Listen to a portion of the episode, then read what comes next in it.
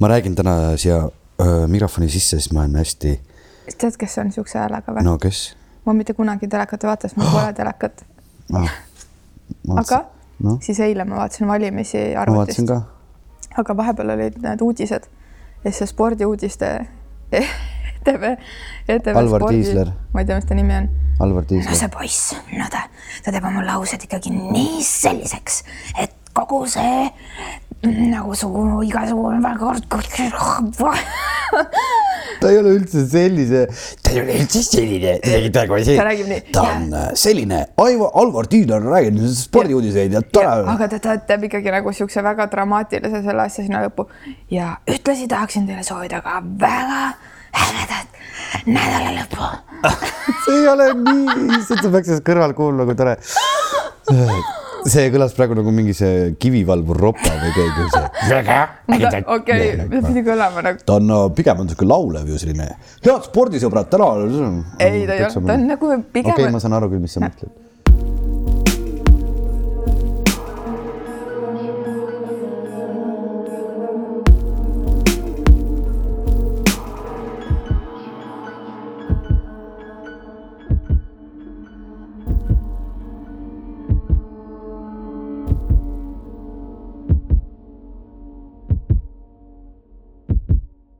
Siinkohal tahaks teile öelda tere hommikust, tere päevast, tere õhtust, tere keskööd ja tere varajasi päiksetõusueelseid tunde, armsad kuulajad. me oleme üle, ma ei tea, mis pika aja Elinaga kahekesi koos, äkki detsembris kohtusime viimati niimoodi sellises formatsioonis, kui kasutada sporditermineid sest spordilainel me juba oleme mm. -hmm. ja siinkohal saate alguseks ei jää mul mitte midagi muud sest, sest üle. spordilainel me juba oleme. Kui sa kavatsed terve saate niimoodi rääkida, siis ma lähen ära okei, tšau. okei ma ei lähe ära, aga lihtsalt, aga äh, kallid äh, inimesed, kelle nimed on Sven-Erik, Kaia, Veiko nagu minulgi, tere. Karl, Andreas, Kertu, Keili, Jana ja Riin. Te olete meie Patreoni suurtoetajad, toetate meid äh, kõige rohkema summaga kuus ja me oleme ääretult, ääretult tänulikud teile. et tänu teile me saame seda saadet teha ja me oleme ääretult tänulikud ülejäänud sajale inimesele, kes ka meil natukene, natukese haaval kuus õlga all hoiavad, et see on, see on väga kena. ja päriselt ka aitäh. ja, mis sa teinud oled vahepeal, Elina? Ma nii kaua olen- me, me, meil ongi selline saade täna, kus me Elinaga taas tutvume. saame teada, kes me oleme, mida me arvame täna armastusest. tuleb äh, Veiko minu juurde, küsib, et mis inimene sa selline oled jah, ja kindlasti tuleb täna ka meie traditsiooniline küsimus, sinu esimene mälestus, eks ole, armastusest, et ole selleks valmis, ma ei tea, kas sa oled selle peale mõelnud? et äh, kas need mälestused on muutunud, on ju, on sul uusi valikuid tekkinud Mhm. nendest lugudest? minul kindlasti, ma arvan, äkki tuleks ka midagi muud äh, peale või tegelikult me võiks täna teha niimoodi, et sa küsid mu käest selle küsimuse ja, ja ma üritan viisteist minutit mitte vastata sellele küsimusele. aga mis ma teinud olen? kas sa oled teinud midagi sellist, mis on pannud su südame põksuma või näinud midagi sellist või, või kuis, kuis see maailm on ta sulle armastust näkku visanud? Äh, erinevaid äh, armastuse varjundeid ja kindlasti hakkasin kohe nagu esimese asjana töö peale mõtlema, et mis ma teinud olen mm. mm. -hmm. sest et äh, seda enamus inimesed kogu aeg teevad, eks ole. ja, ja siis ähm, äh, mis ma olen teinud, on see, et ma olen oma suve planeerinud ja see on niisugune huvitav koht olnud, et äh, teha augustisse plaane praegu. ma saan aru, et mõni inimene planeerib äh, isegi võib-olla kauem ette oma elu ja, ja tegemisi ja teab, aga praegu niisuguse jääpurikate maalt kuskile, kuskile palmi alla helistada oli natuke naljakas. nii et ma olen sa lähed äh, augustis, kui on Eestis kõige soojem, lähed sa palmi alla? Eesti palmi alla palmi nagu, alla. nagu rannamännid. ma saan aru, praegu on lihtsalt see viimane hetk, kus see palm nagu kasvama panna, eks ole, see on õudselt pikk protsess, vaata, sa oled tellinud kuskilt Indiast mingi palmi, see praegu tuuakse, eks ole, mingi treileriga pakendis või see augustiks sinna ja Eestis palme, mul oli kodus oli, kui ma elasin mm, aastakümneid Mustamäel, siis meil oli palm oli toas ja meil oli ka sidrunipuu ja siis ma tundsin ennast aeg-ajalt väiksena väga troopiliselt. kas sidrunipuu kandis vilja ka? kandis küll vilja, aga ta kandis selliseid rohelisi, üsna mõru, laimilikke sidruneid. mõrudaid selliseid, nad ei küpsenud väga, sest meil ei olnud seal äh, sellist Mustamäe korteri päikest väga. aga mitte mõrudaid, vaid mõrusid emakeele aasta, ole korrektne. Kas tegelikult. Kas on nii või? ja on küll, ma sellepärast äh, võtsin Veiko sellega vahele, et äh, kui mina räägin oma, oma eesti-inglise segukeelt vahepeal, sest kõik, kõik, kes teavad, kuidas, kuidas need sõnad mul vahepeal suust välja räpivad, siis Veiko alati paneb mulle puid alla ja ütleb, et ole korrektne. nii et kui ma väikesegi vea taban Veiko grammatikas, siis ma kohe osutan sellele mm. -hmm. mina sinu jutu peale läksin kohe Eesti Keele Instituudi keeleabi leheküljele ja hakkasin otsima. ei, seda on hea teada selles mõttes, et ma ise mm, kiusan inimesi pidevalt sellega, et nad räägiksid õiget eesti keelt ja no lihtsalt häda on ka selles, et minusugune inimene lihtsalt peab rääkima õiget eesti keelt, kui ma olen laval. siin i- isegi olen parandanud, oi, siin on nii palju õpetusi, ma ei, ma ei jõua selle mõrudateni praegu välja. et näiteks on õige on pesukaitsmed, mitte pesukaitsjad, sain ma praegu teada. Ma ei tea, vabandust, see tuli lihtsalt praegu siit. aga kus see mõru oli? see oli siin kuskil sees ilusti. nii, aga ühesõnaga, ma tahtsin öelda, et ma olen käänanud, väänanud ka neid noor, ma teen praegu, miks ma olen selline, ma ei tea, kuidas selle nimetus on, uruhiir või selles mõttes, et ma, kui ma nimetan tööd uruks, et äh, ma olen. tööturuks. tööd nimetan uruks ehk siis tööturuks ja et ma olen olnud äh, tõepoolest Urus äh, ja teen praegu, tegelikult just üks äh, lavastus lõppes. linnateatris tuli välja Vihmaustide elust, kuhu ma kirjutasin muusikat ja teine, me salvestame täna esmaspäeval seda saadet, teie kuulate neljapäeval, et mul homme on just Viljandis esietendus ja nendega ma seal pragasin, kui nad rääkisid eesti keelt valesti, nii et sa see võid on mulle. Vatt-teater. jah Viljandi tudengid teevad Vatt-teatri alt ja mul on, ma olen ette valmistanud mõlemast lavastusest ka, me saame täna tõepoolest kuulata muusikat, ma tean, inimesed ei taha podcast'i vahele muusikat kuulata. aga miks mitte? miks mitte? miks mitte, võime täna vahepeal lasta, kui tekib tuju, ühte lõigukest Viljandist tervitustega ja teist äh, Tallinnast. et äh, pitsuta mind taga. mulle meeldib tegelikult, kui sa mind parandad mm. -hmm. Tore, aitäh, et sa ütlesid seda, see julgustab mind. ja, ja see on õige, me peame rääkima ilusat eesti keelt, sest et see kaob niikuinii üks päev ära, kahjuks.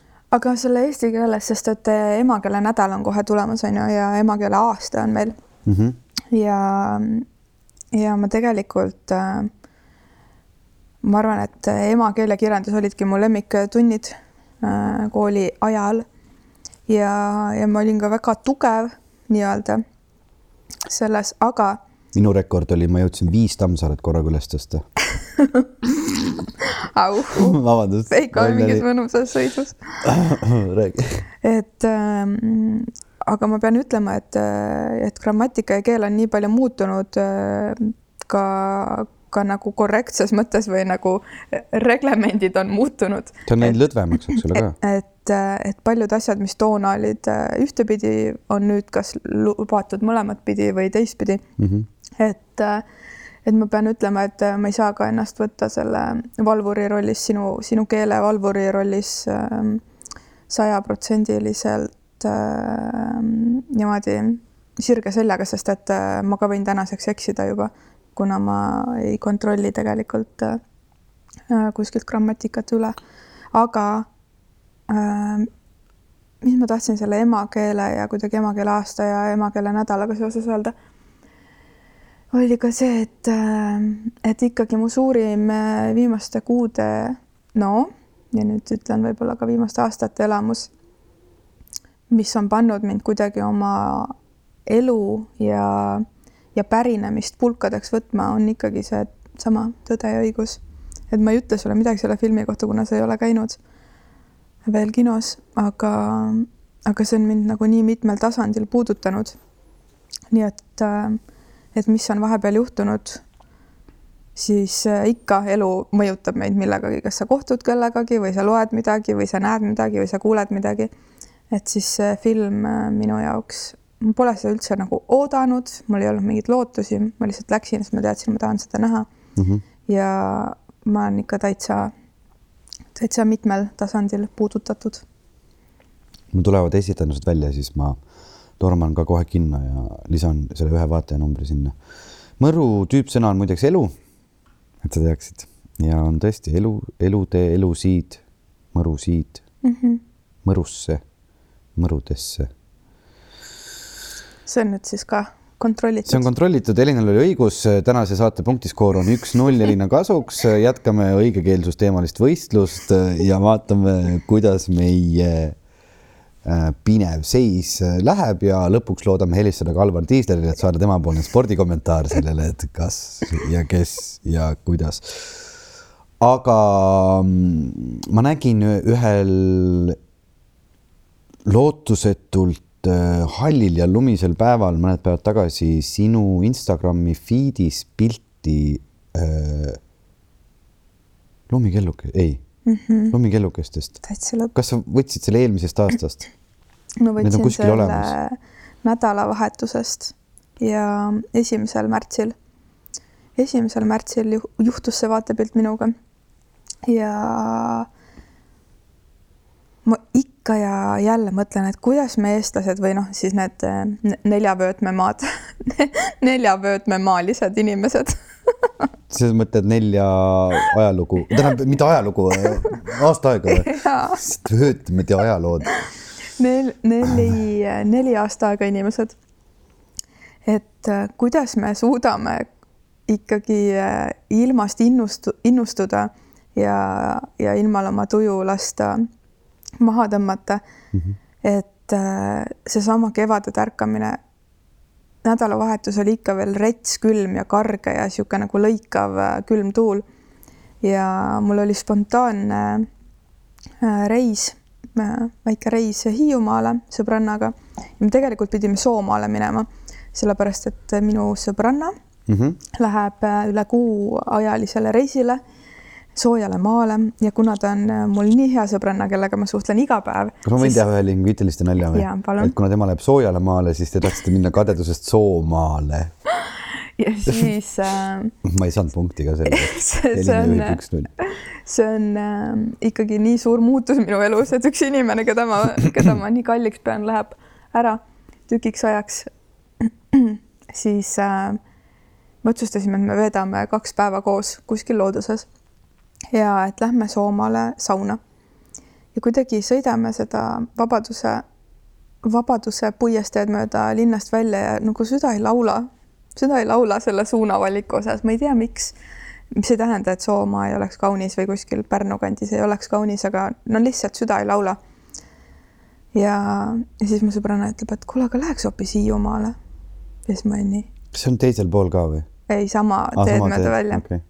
ja ma olin nii lähme Hiiumaale. ja siis ma olin nii. oota, oota, oota, oota, ära karju. Lähme Hiiumaale. ja vaatasin ruttu praamiajad ja me olime täiesti graafikus, nii et kui me jätkasime samal kiirusel otsesõitu, siis äh, õigeks ajaks praamile me jõu-, jõuaksime. ja jõudsimegi. nii et, äh, et me käisime spontaanselt Hiiumaal ja kolasime mööda merd ja metsi ja tegime, tegime mere ääres sauna. ja siis lihtsalt kõndides ühe, ühe mahajäetud talu hoovis. ma oleks peaaegu kuidagi siis nii-öelda üle astunud nendest äh, kevadistest lumikellukestest ja, ja siis ma tegin niisuguse viimase hüppe, et mitte neile peale astuda. mis äh, oli lihtsalt nii rõõmus hetk ja, ja ma saan aru, et see võib kõlada niisugune, ma ei tea, looduslapselikult või mis iganes, aga lihtsalt see hetk, kui sa näed neid esimesi lumikellukesi, onju, ja siis kükitad sinna nende juurde ja tahad neid nunnutada või kuidagi nagu seda tänu või imetlust, äh, imetlust jagada. et äh, ja. see ei ole üldse looduslapselik hetk, ma arvan, et see on võib-olla üks asi, mis äh, tõesti kõiki eestlasi ühendab mm, -hmm. see, et mhm. kui sa tõesti lõpuks läbi mitte läbi, vaid pärast mingit viit kohutavalt masendat, kül-, masendavat külma jäist kuud näed nagu, et nad tulevad, nad kasvavad. et see on, ma arvan, tõesti midagi sellist, mis ajab inimesi hulluks, ses mõttes, ma juba ainult seda pilti vaadates ja teades oh,, Hiiumaal seal kuskil need on. kuule, kõik läheb hästi veel, me, me, me ei olegi seal vangistatud sellesse kohutavasse aastaga, mis tegelikult ei ole üldse kohutav ju selles mõttes, et siin on nii palju ilu ja võlu ja valu ka samal ajal, aga. aga jah, see on ikkagi seotud selle meeleseisundiga, et esimese armastuse märk ka vaata, et nagu tärkab see lill. muideks ma, mulle õudselt meeldib see, mis sa ütlesid, et te tegite lihtsalt nagu spontaanse otsuse, seda juhtub meie eludes nii vähe mm. -hmm. et me lihtsalt nagu mõtleme, no põhimõtteliselt nagu lambist, et äh, äge mm, -hmm. väga äge. Ja et see oli lihtsalt, see oli üks ägedam reis, mis meil on olnud niimoodi viimasel ajal kuidagi lihtsalt, lihtsalt sõita linnast välja natukene nagu teadmata siis kuhu mm. -hmm. lubada endale seda vabadust, et sa oled oma nagu pere ja kõik ära orgunninud, et ütled, et sa oled tagasi see hetk on ju, aga see, mis vahepeal toimub, on nagu sinu, sinu otsustada ja, ja sinu, sinu olla. nii et äh, noh, see tundus kuidagi nagu võimatu minna Hiiumaale nagu üheks ööks praegu külmaga ja siis, kui me olime selle ära otsustanud, siis see aeg lihtsalt muutus nii suureks ja laiaks, et sinna vahele mahtus lihtsalt nii palju imelisi hetki. ja ühtlasi ma tahaks siinkohal ka ta- äh,, toe-, toetada mm, -hmm. tahaks siinkohal ka äh, tervitada Paupe surfiklubi, ma ei tea, kas peremeest, ma ei tea isegi, mis su nimi on ja ma kahtlen, et sa kuuled seda seda praegu, sest ma ei usu, et sa isegi tead, et selline podcast on olemas, aga võib-olla keegi, keegi ähm, juhatab sind selleni. et äh, sõidame me siis juba teades, et me lähme Hiiumaale ja mina olin näinud äh, ka kuskil pilti ühest saunast ja ma mäletasin, et see oli kuskil Paupe surfis, kus ma polnud kunagi käinud, sest ma polnud Hiiumaal Paupel käinud. ja, ja siis guugeldasin, et Paupe surf, ahah, number ja vajutan äh, helista. siis võtab mingi sümpaatse, rahuliku, sõbraliku häälega härrasmees telefoni vastu. ütleb tere, ma ütlen tervist, et äh, ma ei mäleta, kas ma ütlesin oma nime, aga et tere, et ma tahtsin küsida, et kas Paapel täna sauna saab ka teha esimese märtsi ähm, õhtul lumevallide vahel. siis ta oli nii, no ma ise olen Tallinnas, aga, aga, aga nagu jah, et äh, võtke igaks juhuks puid kaasa ja miks mitte, et, et minge vaadake, kas saab soojaks, ühtlasi vaadake, vaadake, kas meil ka seal muidu kõik asjad korras on talve, talve, talvest saadik. ja, ja siis räägingi selle võõra mehega, kes, kes annab loa oma sauna minna ja, ja siis me leidsime tee sinna kuskile täiesti mere äärde, kus oli selline, ma ei tea, kaks korda kaks meetrit äh, väike saunake, mis oli täiesti jääkülm, kus me jopedega istusime sees, hakkasime kütma, kütsime, kütsime, siis võtsime järjest riideid vähem, vähemaks. alguses salli maha, siis panime puid veel rohkem alla, siis mütsi maha ja lõpuks saime täitsa leili visata ja, ja see on üks ägedam saunakogemus, mis mul on olnud ka viimase aasta jooksul. ise loodud kuumus keset külma karget tuulist ja mega ilusa päikseloojangu vaatega sauna. see on nii vägev, et Eestis on äh, selliseid inimesi, see annab kuidagi lootust, et on vaata nii nagu lahkeid ja usaldavaid inimesi. ma ei mäleta, kas ma olen sulle seda rääkinud või siin saates võib-olla mitte, aga äh, me olime kunagi lavaka ajal ühel rattamatkal, noh, siiamaani käime iga suvi sellisel kultuurilisel rattamatkal ja, ja too õhtu meil oli planeeritud telkimine, me ei teadnud täpselt nagu, kus telkida, vaatasime, no siin mingi järv ja kuhu nii ja nägime mingeid kohalikke. Ja küsisime, et kus teil siin oleks hea telkida, eks ole. Nemad vaatasid meile otsa, meid oli viisteist inimest, viisteist noort inimest, eks ole, koos meie õppejõu Riina Roosega. ütlesid, aga tulge, tulge meie aeda, telkige siin. jõudsime nende aeda, aga me ise, me peame nüüd ise minema Tallinnasse, meil tuleb lennujaama, tuleb tütar, eks ole, ma tean, võtke, siin on meie võtmed, saate käia köögis, eks ole, pesta siin vannitoas ja teha omale süüa. me tuleme öösel mingi kolme-nelja paiku tagasi, eks ole. saad aru, inimesed lihtsalt võtsid viisteist võõrast inimest keda nad nägid oma külas mm, -hmm. andsid neile võtmed, läksid ise Tallinnasse tütrele järele. no vägev.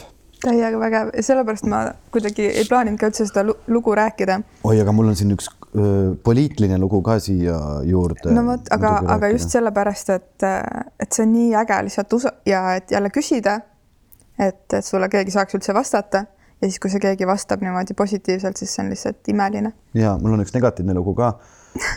aga mm, samamoodi meil oli telkimine kokku lepitud, tead, kus kohas või? tollel ajal see oli üks mõis, mida pidas Mart Helme nii, ja, ja meil oli ka siis kokku lepitud telkimine selle mõisa nagu aias. ta küsis ka selle eest päris kopsaka summa, eks ole, ikkagi noh, ikkagi. ja siis äh, tund aega enne seda, kui me sinna jõudsime, hakkas meeletut paduvihma sadama, meeletu paduvihm. siis me jõudsime sinna, me olime nagu, nagu täiesti läbimärjad, tilkusid kõik sadas. siis Mart Helme tuli meile vastu, ütles, et no vaatame, kuhu te need telgid siis võiksite siin üles panna, endal oli nagu suur tühi mõis, eks ole, mitte kedagi seal ei olnud. no lõpuks see päädis sellega, et ta lasi meid kuskile, ma ei tea, kuhu, Kamorkasse kuskile taha midagi sisse ja küsis veel kolm korda rohkem raha selle eest. on erinevaid inimesi, eks ole, kahjuks EKRE valimistulemust äh, see jutt ei mõjuta, kahjuks mitte, aga no vot, aga on erinevaid inimesi, on lahkeid inimesi ja ei ole nii palju lahkeid inimesi. Aga ma tahtsin muusikat sulle lasta, ma ei tea, kas ähm, kas mu, kas su kõlar on minu ajuga ühendatud või ei ole? ma tahan väga kuulda, sellepärast et Veiko, sa oled tõesti kadunud olnud ja, ja ma just eelmine nädal rääkisin ühele inimesele, et äh, Veiko Tubin on üks geniaalne inimene ja siis tavaline. ja nüüd ma hea meelega tahan kuulda, mis sa vahepeal teinud oled. See la- lavastus Vihmasid elust, kust see muusika tuleb, on tegelikult niimoodi, et, et, et äh, ma teen nagu tööd praegu kahe hästi erineva lavastusega. ühes on muusika äh, nagu hästi kaugel taga ja toetavas äh, funktsioonis, et ta on nagu selline õrn äh, klaveripai niimoodi, et sa tegelikult põhimõtteliselt ei kuulegi seda. noh, on mingid algused ja lõpud kuskil nii. ja pärast ma lähen siis vastupidi ühte nagu muusikat, mis on nagu peaosas põhiliselt. et, et seda muusikat, mis ma praegu ka lasen et seda te ei pruugigi seal tükis üldse kuskilt nagu välja kuulda, aga ta on selline, nagu ta on.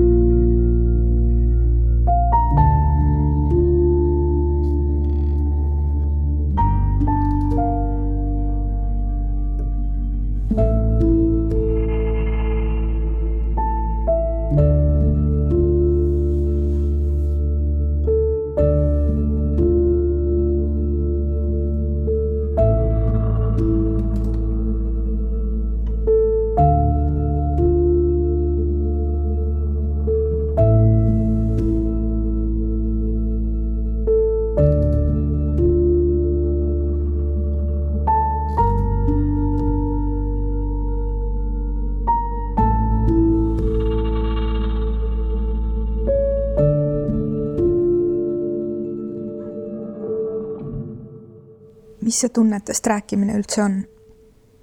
ma mõtlen, et võib-olla peame me kõik selle all natuke erinevat asja silmas. minu arvates väljendub tunnetest rääkimine muuhulgas inimsuhetes, iseenda käitumises, mustrite märkamises ja enese mõjutatuse tunnistamises.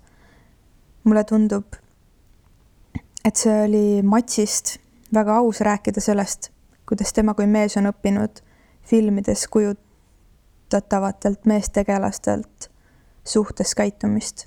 me kõik oleme mõjutatud oma tarbivast meedia, meelelahutuse mullist ja ümbritsevatest inimestest. mulle tundub, et argument tunnetest rääkimise poolt ja mulle tundub, et see argument kõnetaks ka Matsi, on see, et seda tehes me vähendame tunnete müstilisust filmides ja muudes kanalites müstifitseeritakse ja võimendatakse emotsioone eriti armastuse, kire ja hoolimisega seotud tundeid. see annab tarbijale sõnumi, justkui need oleks midagi, mida kõik ei koge ja mida peab kogema väga tugevalt. see teeb tunde, eriti armastuse, eksklusiivseks ja tõstab ootusi. mulle tundub, et osaliselt on just see nähtus vastutav nii paljudes pettumuste kogemistes. Näib, et tegelikkuses võib armastus seisneda ka lihtsalt ja eriliselt selles, et kellelegi meeldib, kuidas keegi teine on võimeline temaga koos maailma probleemide üle arutama või kuidas kellelegi meeldib kellegi teisega tantsuõhtutel käia. kui me seda välja ütleme, see ongi tunnetest rääkimine. see, mis meile teise inimese juures meeldib. olgu see meeldivuse skaala intensiivsus mis tahes positiivses punktis. armastus tähendab seda, et meile meeldib mingi inimese juures piisavas koguses asju ja piisavuse arv on inimeste jaoks armastuse alla kvalifitseerumiseks erinev. aitäh, Teili, et sa nendest mõtetest kirjutasid. aitäh, Veiko, et sa lood muusikat. muusika ka ju toetab või, või tõstab emotsiooni. ja sellega on kuidagi nagu lihtsam äh, ka tunnetest rääkida või noh, sa ei pea kasutama konkreetseid sõnu, sa saad äh, panna oma tunded äh, sinna kirja. ma jäin, ma jäin mõtlema jah, selle tunnetest rääkimise peale, et seal on vist ka mingisugused nagu erinevad ähm, faasid kuidagi. ütleme, et ütleme, kui sul, kui, kui kuskil hakkab see tunne tekkima nagu vaikselt idanema või mingisugune selline, sa tunned, et kuskil on tundealge, siis sa nagu tegelikult ei taha sellest üldse rääkida, et sa hoiad seda kuskil niimoodi, et, et sest sa, sa, sa ei tea, mis sellest tulema hakkab, kuidas see kasvama hakkab ja mis elu ta elama hakkab, et, et ma arvan ka, et siis, kui mul on, mul on selline tunne, et kui tunne on lõpuks nagu juurdunud ja sealt on juba see õis välja tulnud, need kevadised äh, lumikellukesed, et siis, siis on nagu hea aeg seda jagada. inkubatsiooniaeg.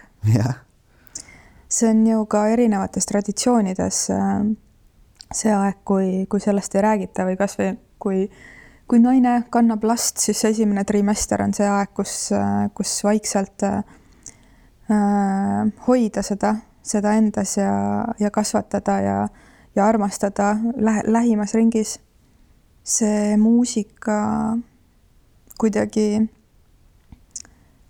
minu jaoks jätkab mingit mingit selle tõe ja õiguse tunnet või mingeid kohti, mis, mis minust puudutatud said. Äh, ma ei tea vihmausside elust mitte midagi Linnateatri võtmes praegu.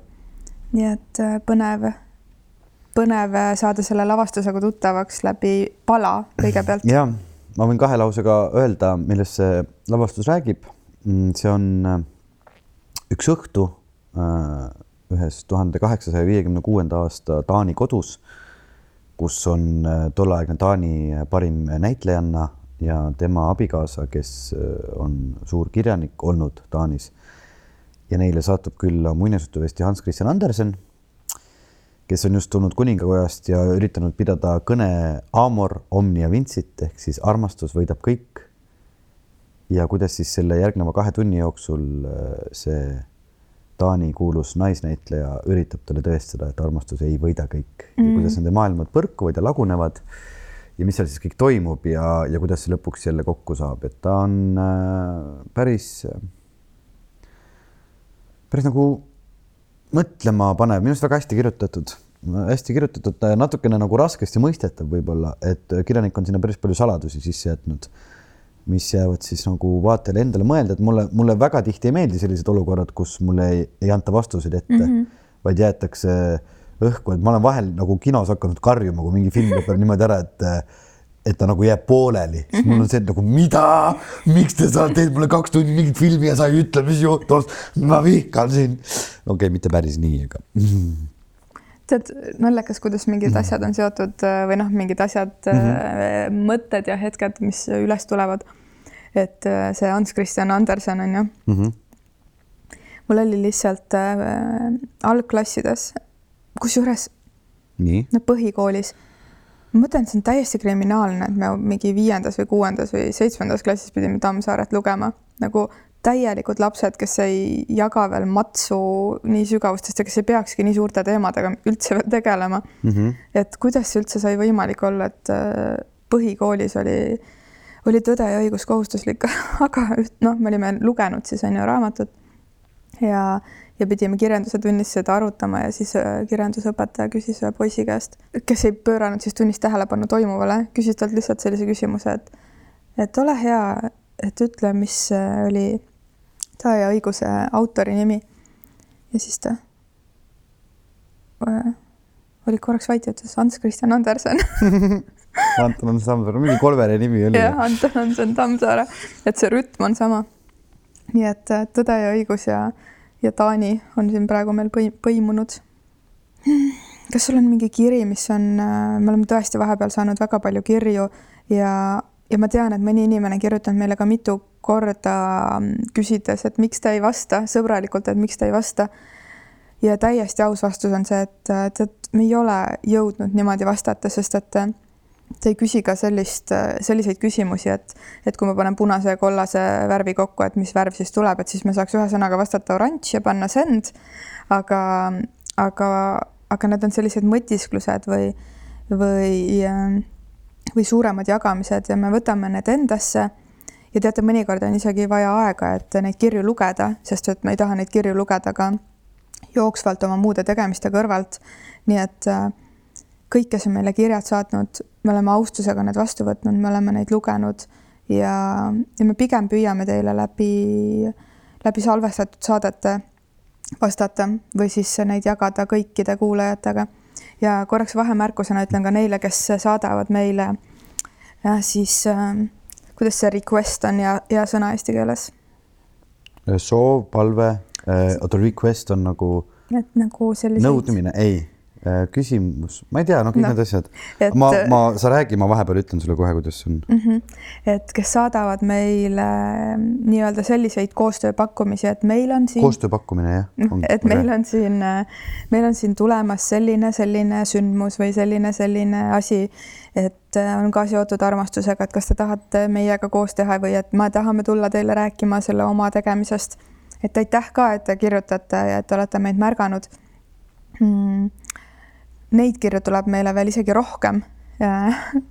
nii et, et me ka ei jõua kõikidele vastata ja me vaikselt äh, kompame ja täitsa ausalt öeldes ka iga, igaühega ei tahagi võib-olla heas mõttes koostööd teha, et me tunnetame vaikselt, mis tuleb, aga praegu need vaikimised on enamasti jäänud selle taha, et, et me tõesti oleme tööd teinud äh, ja, ja pole jõudnud lihtsalt tegeleda sellega nii et, et uuesti hüppan selle küsimuse juurde, et kas sul on mingi kiri, mis sind kuidagi on kõnetanud rohkem? Neid jäänud?, neid kirju tuleb äh, väga ilusatest ja erilistest kohtadest ja, ja üks kiri on näiteks tulnud äh, Kaitseväe külmast kasarmust ah, see on minu lemmikkiri Veikoga. ja, ja siis, kuna ma olen ise ka sõjaväes käinud ja ma mäletan, kuidas ma, sõjaväes on ju see, et, et sa saad saata kirju, vähemalt tollel ajal sai saata kirju tasuta mm. -hmm. Siis ma kirjutasin tõesti paberkirju inimestele ja, ja nüüd aastaid hiljem keegi mulle Facebookis äh, jagas mulle mingisuguse foto mingist kirjast, mis ma olin talle kirjutanud ja seda oli väga huvitav lugeda, et mina oma sõjaväes äh, oldud äh, kaheksa kuu jooksul selles nagu kerges eraldatuses ähm, õppisin väga palju armastusest, rääkides erinevate inimestega sel teemal ja ja seal juhtus igast huvitavaid asju, aga aga see kiri äh, mulle meeldis, sest et inimene on meile kirjutanud ja ta on kirjutanud äh, ka luuletuse sõjaväest. ma äh, ja kui keegi on juba kirjutanud meie ilusad sõnad, siis need tuleb lihtsalt ette lugeda.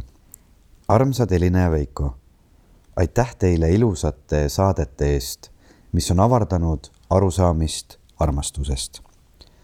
tänulikkusega kirjutan teile Kaitseväe külmast kasarmust, kohast, kus armastust kohtab harva, mistõttu on teie saade justkui päike minus eneses kasarmu külmas keskkonnas. tekkis tunne jagada teiega luulet armastusest, mis sündis siin mereäärses kasarmus. soovin teile jõudu ja püsivust armastuse lainel seilamisel unistan hilistel õhtutundidel argimurede mere ääres, pääsemast sügise külma eest, su keha soojuse varju. vahest süda mul saapas ääres, sest üksi uinumisega iial ei harju. siis su sülle oma vaevatud pea tahaksin panna, et lohutaksid oma siirate silmadega mu hinge, kui mured purevad mu mõtteringe. siis lasen lahti kõigest, mis möödas, kõigest, mis tulemas ees ja jõuangi hetkesse kohale. olen tänulik, et leidsin su silmades oma eluvaate, su hääles pehmed toonid, mille saatel tantsida tahan kogu elu.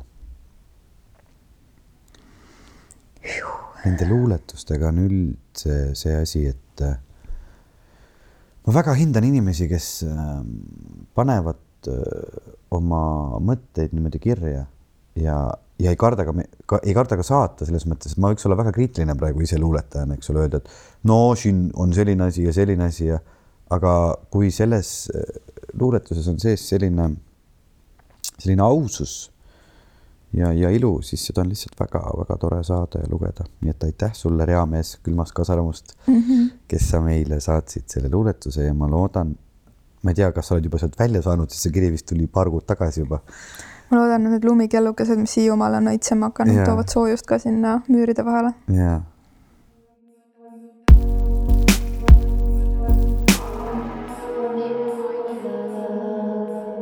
selle Hiiumaale sõitmisega tuli jälle jutuks äh, suundade armastus, et. Äh, suundade armastus mm, -hmm. mis see tähendab? suundade armastus, et kui sa paikned ühes punktis ja pead valima suuna, milles, äh, mis, mis suunas liikuda mm, -hmm. et siis mõnes suunas liikumise pikkus ja aeg tundub, tundub pikem ja vaevalisem kui teises suunas ja see on seotud armastusega nii et, et minul Hiiumaa suunas liikuda on äh, alati äh, väga lihtne ja see ei tundu üldse pikk aeg, kuigi see võib olla tunde, tunde, tunde, tunde, tunde.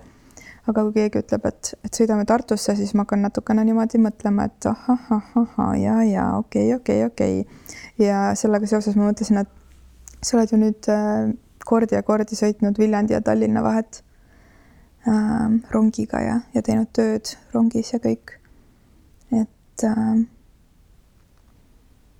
kuidas äh,, kuidas see, see töö, mida sa praegu äh, Viljandi noortega Vatt teatri alt äh, teinud oled, on sellesse talve lõppu sobitunud või mida sa selle tööga tehes oled avastanud? ta sobitab selles mõttes, äh, mõnes mõttes ideaalselt, kuna see on, äh, Aare Toik on see lavastaja, ta on selline ma ei tea, lahe vana on vist nagu imelik öelda, ta on lihtsalt minust vanem kõvasti, ta on umbes mu isa vanune või natuke noorem. et, ähm, et see on selline materjal, mis tegelikult, äh, selle pealkiri on Decameron, mis on ju Boccaccio jutustus, mis toimub neljateistkümnendal sajandil katkujärgses Euroopas, eks ole, ja natuke sellised anekdootlikud lood võib-olla räägivad ka hästi palju armastusest, tähendab, kogu see lavastus ongi tegelikult armastusest mm. -hmm. ja siin on kuus lugu välja valitud, aga, aga Aare Toik ka lavastuskeel on selline, et tema, tema ei tee seda kõike seal keskajas, vaid ta on selle toonud kuskile nagu ajatusse aega ja see muusika, mida ma saan sinna kirjutada, see on tõesti selline, et, et ma saan mõnes mõttes nagu hullata ja, ja panna kokku erinevaid stiile, et, et sellist nagu India trummi ja Euroopa elektrikitarri ja, ja veel mingisuguseid vilesid ja asju ja ja selles mõttes, et äh, ma lugesin mõned päevad tagasi seda kavalehte, ma ei olnud sinna lugenud, mida Aare oli kirjutanud ja siis ta kirjutas sinna sellise lause. helilooja Veiko Tubina käest küsisin ma muusikat, mis oleks väga siin ja väga ajatu ühe korraga, väga elus ja väga surnud ühe korraga. Nagu kõik ajad, kõik ruumid, kõik elud ja uned juhtuvad ühe korraga ja üks ka, ükshaaval ka, siin ja praegu nagu teatris no seda ta kirjutas pärast, kui ta oli selle muusika kätte saanud, mina ei teadnud, et oli mm, -hmm. oli mulle sellise ülesande teinud. aga mm, nende noortega on ka väga tore töötada ja tõesti need, need lood on, need lood on ka armastusest. kuus erinevat lugu ja, ja kirjutatud ju mm, kõik äh, kuussada, seitsesada aastat tagasi. Ja ikka nii inimlikud ja ikka nii samasugused. aga need noored laval sa ei ole vist ka noortega ammu koostööd niimoodi teinud. kas see energia on kuidagi teistsugune või kui sa vaatad, et kui, kui sedasama materjali annaks edasi mingisugused? ei, õnneks, õnneks mul on tunne, et, et et selles mõttes see energia Eesti teatris ikkagi on, on nagu igal pool niisugune tegemise tahtmise, tahtmine on suur ja inimesed jõuavad lõpuks publiku ette mm. -hmm. noortel on võib-olla seda viitsimist äh, hommikust nagu õhtuni teha, et tänu sellele me oleme olnudki niimoodi, et ma jõuan hommikul kell kümme proovi ja lahkun sealt niimoodi kaheksateist nelikümmend viis, et jõuda selle viimase bussi peale, enne kui Viljandi lukku pannakse, eks ole, mis Tallinnasse sõidab.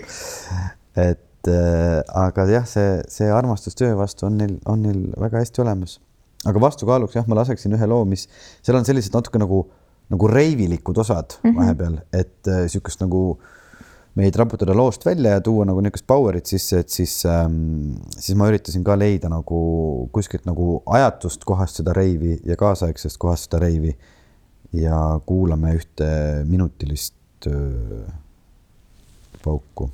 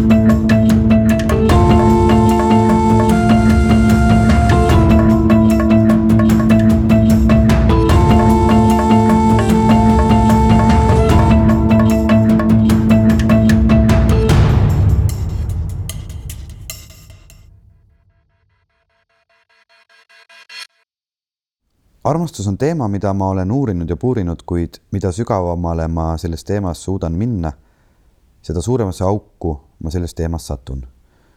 alguses oli see teema väga lihtne, kaks inimest olid koos, kes tahtsid olla ning nad vajasid teineteist. nüüd aga läheb asi aina keerulisemaks, kahele inimesele lisandub järjest rohkem nende minevikku. minevikuga käivad kaasas hirmud. hirmud toovad aga kaasa probleeme. noor armastus ongi ilus puhtalt sellepärast et kumbki ei oska oodata midagi ega karta midagi. Nad arvavad, et igast probleemist saadakse üle ja jäädakse igaveseks kokku. kui aga see esimene armastus puruneb, siis ei usu enam keegi päris südamepõhjani, et on võimalik igaveseks kokku jääda ja hakkavad tegema käike, et siis jääda igaveseks kokku. Need on meeleheitlikud käigud, mis tegelikkuses ei ole head. uurides armastust oma nahal olen märganud midagi väga huvitavat, mis tekitab minus mõnes mõttes halva tunde. olles kogenud erinevaid armastamise vorme, olen enda jaoks välja valinud ühe, mis tundub minu jaoks kõige õigem ja ma olen selle enda jaoks nimetanud tõeliseks armastuseks. ülejäänud on õpitud armastused. jah, on võimalik õppida armastama ja ükskõik keda. tehes endaga natuke tööd, oled sa võimeline armastama enda jaoks ka kõige vastikumat inimest aga see ei ole armastus, mida mina soovin. ma olen kogenud enda jaoks tõelist armastust ja suudan seda ka enda jaoks eristada teistest. ning sellepärast ei taha leppida vähemaga. kõige raskem osa armastuse äratundmise juures on see, et uut inimest kohtudes tekib armumine, mis tekitab tunde, nagu sa armastaks inimest. jah, see tunne on päris sarnane sellele, aga see ei ole päris armastus ma olen lasknud endal armuda mitmeid kordi ja siis vaatanud ennast kõrvalt, kuidas ma käitun. põhiline viga, mis ma teen, ongi see, et ma hakkan tegema neid samu meeleheitlikke käike, et muuta asi kindlamaks. huvitav, huvitav, aga miks ma siis vallaline hetkel olen, kui need meeleheitlikud käigud toimiksid? tegelikkuses nad mõnes mõttes toimivadki, aga, aga neid tuleb teha suuremas mastaabis kui, kui, kui mina kuid nad toimivad võib-olla mõne aasta, muidugi oleneb väga palju inimesest ja, ja kui suures mas-, mastaabis, mastaabis, vabandust, sõna, ikka suudetakse neid teha, aga peab arvestama, et need väsitavad. mina neid oma armastuses kasutada ei soovi ja sellepärast jäängi konkurentsis hetkel teistele alla. aga kui ma tahan midagi, mis on päris, ei olegi sellel vahet. tegelikkuses siiski on, armastus koosneb siiski ikkagi kahest inimesest. teine osapool võib tunda sinu suhtes samuti armastust, kuid ta võib olla segaduses ja palju muud. see on ime, kui palju tundeid mahub inimesse ja sealt neid õigeid välja praakida, et teha siis parim otsus, ei ole eriti lihtne. eriti kuna nad ei anna sulle päris kunagi ühest vastust ja vastus, mis ühel hetkel tundub õige, võib osutuda teisel hetkel valeks ja kuidas sa suudad siis usaldada neid samu tundeid, mis sind alt vedasid ja kindlasti hakkad selle tõttu usaldama rohkem oma hirme. kui inimesed usaldaksid oma hirmu tasemel mõistust, siis olekski vist juba tunduvalt lihtsam leida tõelist armastust mulle on tundunud, et inimesed, kes päriselt üksteist armastavad, sobivad ka suurepäraselt kokku. aga sealjuures on ka probleem. inimesed on loodud oma, loonud omale standardid, aga need standardid ei vasta inimesele, kes sulle päriselt ka kõrvale sobib. samamoodi raskendavad armastuse leidmist muud veendumused. räägitakse ju, et inimene ei pruugi näha oma tõelist armastust ka siis, kui see on suu nina ees. Aga mina olen märganud, et kui vaadata enda sisse ja vastata päris ausalt et keda sa enda kõrvale vajad, siis muutub päris kindlasti pilt sellest, milline su kaaslane peab olema. sa hakkad tajuma enda puudusi ja tugevusi ja samas saad selle tõttu aru, milliseid omadusi sinu kaaslasel päriselt vaja on. ja nüüd tuleb siia külla paha poiss armumine kes keerab äh, sellegi pea peale, sest inimene, kellesse sa armunud oled, vastab kindlasti nendele tingimustele ja kui ei vasta, siis ta kindlasti muutub nendeks, vähemalt sa usud seda reaalsust teab aga iga endale ausalt vastav inimene isegi. ütleme nii, et päris armastuse leidmine on võimalik. mõned koperdavad selle otsa ja oskavad seda hoida. mõned otsivad ja otsivad, kuid ei näe seda, et see on nende nina ees. mõned aga on nii lollid, et olles selle leidnud, kaotavad nad selle ära. ja pärast on raskusi selle ülesleidmisega äh,. nii tore, ilus äh, pikk äh, kiri ühelt härrasmehelt nii tore, et üks härrasmees on meile kirjutanud sellised mõtted ja, ja, ja nii tore on seda, et kui sa kuulad inimeste mõtteid, sa saad aru, et kõik inimesed mõtlevad kogu aeg, et nagu natuke nagu noh, tegelevad selle, selle, selle teemaga ja nii ja. Ja see oligi ju meie taotlus, kui me kunagi mm -hmm. alustasime, et, et, et panna lihtsalt mõtisklema sellel mm -hmm. teemal rohkem, nii et. ja ma ise mõtlesin seda kirja lugedes ka, et, et samas me ei tohiks olla nagu nii nagu, nagu paanilised. et selles mõttes täna ma küll kannan sedasama mõtet, mis, mis juhtus sinuga, kui te hakkasite Soomaale minema mm.. Et sa ei pea hoidma kinni sellest, et ma pean oma eluga jõudma Soomaale välja mm. -hmm. kui mul tekib seal Vabaduse põhjastel tunne, et süda ei laula ja on vaja keerata Hiiumaale ja siis sa lähed sinna ja sa leiad need lumikellukesed, siis lase oma süda vabaks ja sõida sinna. ja kurbusest ja tänutundest. eile oli mul pikk reisipäeva öö ning tänu sellele oli mul palju aega koos teiega mõtiskleda. koju jõudes aga tabas mind üks uutmoodi tunne, sest kuigi koju on ju alati nii hea jõuda, eriti veel pärast viieteist tunnist reisimist oli sel korral isegi natuke kahju, et koduni ruttu tuli, sest ma oleks tahtnud veel koos teiega kümmelda. tavaliselt jagan ma oma pikki reisitunde erinevate taskuhäälte vahel, kuid eile mahtusite sinna ainult teie. proovisin küll ka teisi, kuid neid ei sobinud eilsesse kuidagi üldse. täna tahan ma kirjutada kõige rohkem just sellest viimasest tänutunde saatest päeva jooksul on teie podcasti korduvalt üles ja alla kerinud ning kuulanud erinevaid episoode juhuslikus järjekorras. aga päevast oli saanud öö, kell oli tiksunud juba üle kahe ning ma teadsin, et koju on umbes tunnike minna. Sel hetkel ma tundsin, et tahaks veel midagi eriti head selle pika armastuse maratoni lõpetamiseks. uuendasin taskuhäälingut, kuigi lootnud, kuid ei lootnud, et päriselt mõni uus osa ilmub, aga just nii see juhtus. ja juhtus veel niigi et sellest sai osa, mis mind eile kõige rohkem kõnetas ja pisarateni liigutas. mind väga puudutas Veiko mõtisklus selle kirjeldamatu kurbuse üle, sest ma olin selles tundes vaid mõned tunnid tagasi ja sealjuures mind nii toetas Elina mõtisklus tänutundest, sest ma tundsin neid kahte tunnet nii tugevalt ja nii korraga mu sees oli nii tohutu tänutunne, et lisaks mu imelisele abikaasale on mu elus ka nii võrratu armastusest, hoolimisest ning elurõõmust pakatav uus pere. kuid mida suuremaks kasvas tänutunne mu sees, seda suuremaks muutus ka kurbus, sest jälle oli aeg hüva, hüvasti jätuks. ma ju tean, et tegelikult peaks teadmine, et mu elus on nii väärtuslikke inimesi, kelle pärast head aega ütlemised on nii keerulised, tegema asja rõõmsamaks, kuid selles hetkes teeb see vastupidi ehk ainult raskemaks. aga igatahes. lisaks väga paljudele muudele asjadele, mille üle ma elus tänulik olen, olen ma praegu väga tänulik just teile, et te võtsite need tugevad tunded tükkideks ja paigutasite nende osakesed üksteise järel nii kenasti ja lihtsalt ritta, et sain nüüd neist kui endast ja mingitest seostest jälle paremini aru.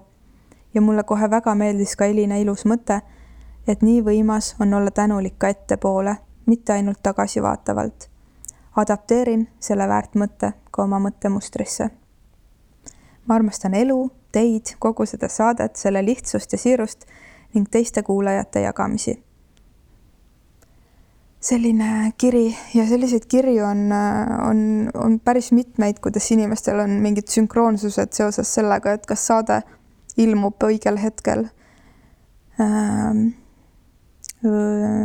Patreoni keskkonnas ka just, sest et seal, seal me proovime üllatada mingitel sellistel hetkedel, kus, kus äh,, kus ei ole kuupäeva välja kuulutatud. Ja, ja ma tahtsin selle kirja sellepärast ette lugeda, et see tänulik olla enne teema on kuidagi viimaste kuude jooksul mul teetseremooniatel ja, ja naistelaagrites äh, nii tugevalt äh, hakanud kuidagi tööd tegema, et ikka astuvad uksest sisse jälle inimesed, kes on seda mõtet kuulnud või, või, või kuulevad ja, ja see kuidagi hakkab nii mõnusalt toimetama. Nii et võib-olla minu selle talve üks suurim võlumine on olnud see, et ma ühe oma tööriista, mis on siis tänulik etteolemine äh, olen äh, avalikult äh, nii-öelda välja öelnud. Ja see on paljusid inimesi aidanud, nii et aitäh, Kertu, et, et sa seda peegeldasid kõva häälega, ilus kuulda. Et mul praegu tuli meelde, sina saatsid mulle ju selle klipi, kus see Hilje Murel äh, mängib, Alfa Romeo. mängib seda ähm, ohvrit, see, mis on nüüd Tuuli nimi muudetud või nii, ma lihtsalt hakkasin praegu järgmist kirja ette lugema, mõtlesin ka, et ma peaks ütlema, et nagu alo, nimi muudetud. kuule, kui te, kui te tahate tõesti naerda, siis otsige internetist üles äh, Leslie Dabassi. Leslie Dabassi Alfa Romeo reklaamklipp, ma nägin Hiljet muideks äh, üleeile korraks trehvasin ja ma valasin temaga igasuguste kiidusõnadega üle ja ta oli ka väga rõõmus, ütles, et seda oli väga tore teha neil, et ta sai veel, nad filmisid selle ühe päevaga, et ta sai veel südaöösel mingeid imelikke karaktereid välja mõelda. aga meile kirjutab Alo nimi muudetud armastus, küsimärk. tere, Elina ja Veiko minut enne käesoleva kirja kirjutamist tuli mulle meelde, et kirjutasin kunagi oma lõpukirjandi armastusest ma pole sellele kümme aastat mõelnud, ehk viimati siis, kui kooli aulas kirjapulka tühjendasin ning lootsin hingeelu avatust ning õigekirja korrektselt võrrandisse seades saada hea hinde. hinne tuli hea, kuid mitte väga hea. õigekiri oli paigas, aga armastusest ma ei teadnud midagi. siis ei saanud sellest aru, täna aga saan. Kuulasin teie podcasti täna esimest korda. järjest kuulasin kolm osa üle hulga aja pidin autoga pikalt üksi sõitma ning kuulasin teid. see oleks nagu olnud saatus. miski teis jääb kummitama. kas see on Veiko unistav ning lootustandev hääl, aga kaalutlevad ja ettevaatlikud mõttekäigud või on see Elina otsekohene ning helisev ütlemine, aga samalik, aga samas haldjalik ükskõiksus ideedes kui armas. miski see igatahes on ja ma tänan teid, et sellist podcasti teete Te panete mõtlema, meenutama, unistama, lootama, kartma ja armastama. peale selle, igal mündil on kaks külge, miskil seletamatul põhjusel on teie podcasti olemuse vastand, ammune lemmik, Frank Oceani laul Bad Religion. kuulasin seda tund aega järjest peale teie kuulamist. mõtestasin selle laulu sõnumit enda jaoks ümber iga uue kuulamisega. Teie justkui sisendate lootust ning see laul sisendab melanhooliat. parim selle asja juures ongi see, et melanhoolne lootus ongi kokkuvõtvalt armastus. head ööd. mõnus hääd kuulajad, hääd kuulajad, hääd kuulajad, me oleme jõudnud oma tänase saatega mõnes mõttes lõppu, mõnes mõttes me teeme täna saadet edasi, sest et tegelikult me hüppame nüüd kohe Patroni mm. -hmm. hakkame rääkima päris asjadest salajastest asjadest oma toetajatega, kes meid toetavad Patreonis veebilehel patreon.com kaldkriips armastusest ja, ja sinna me tõepoolest nüüd praegu suundume, sest et me pole seal see kuu veel käinudki vist.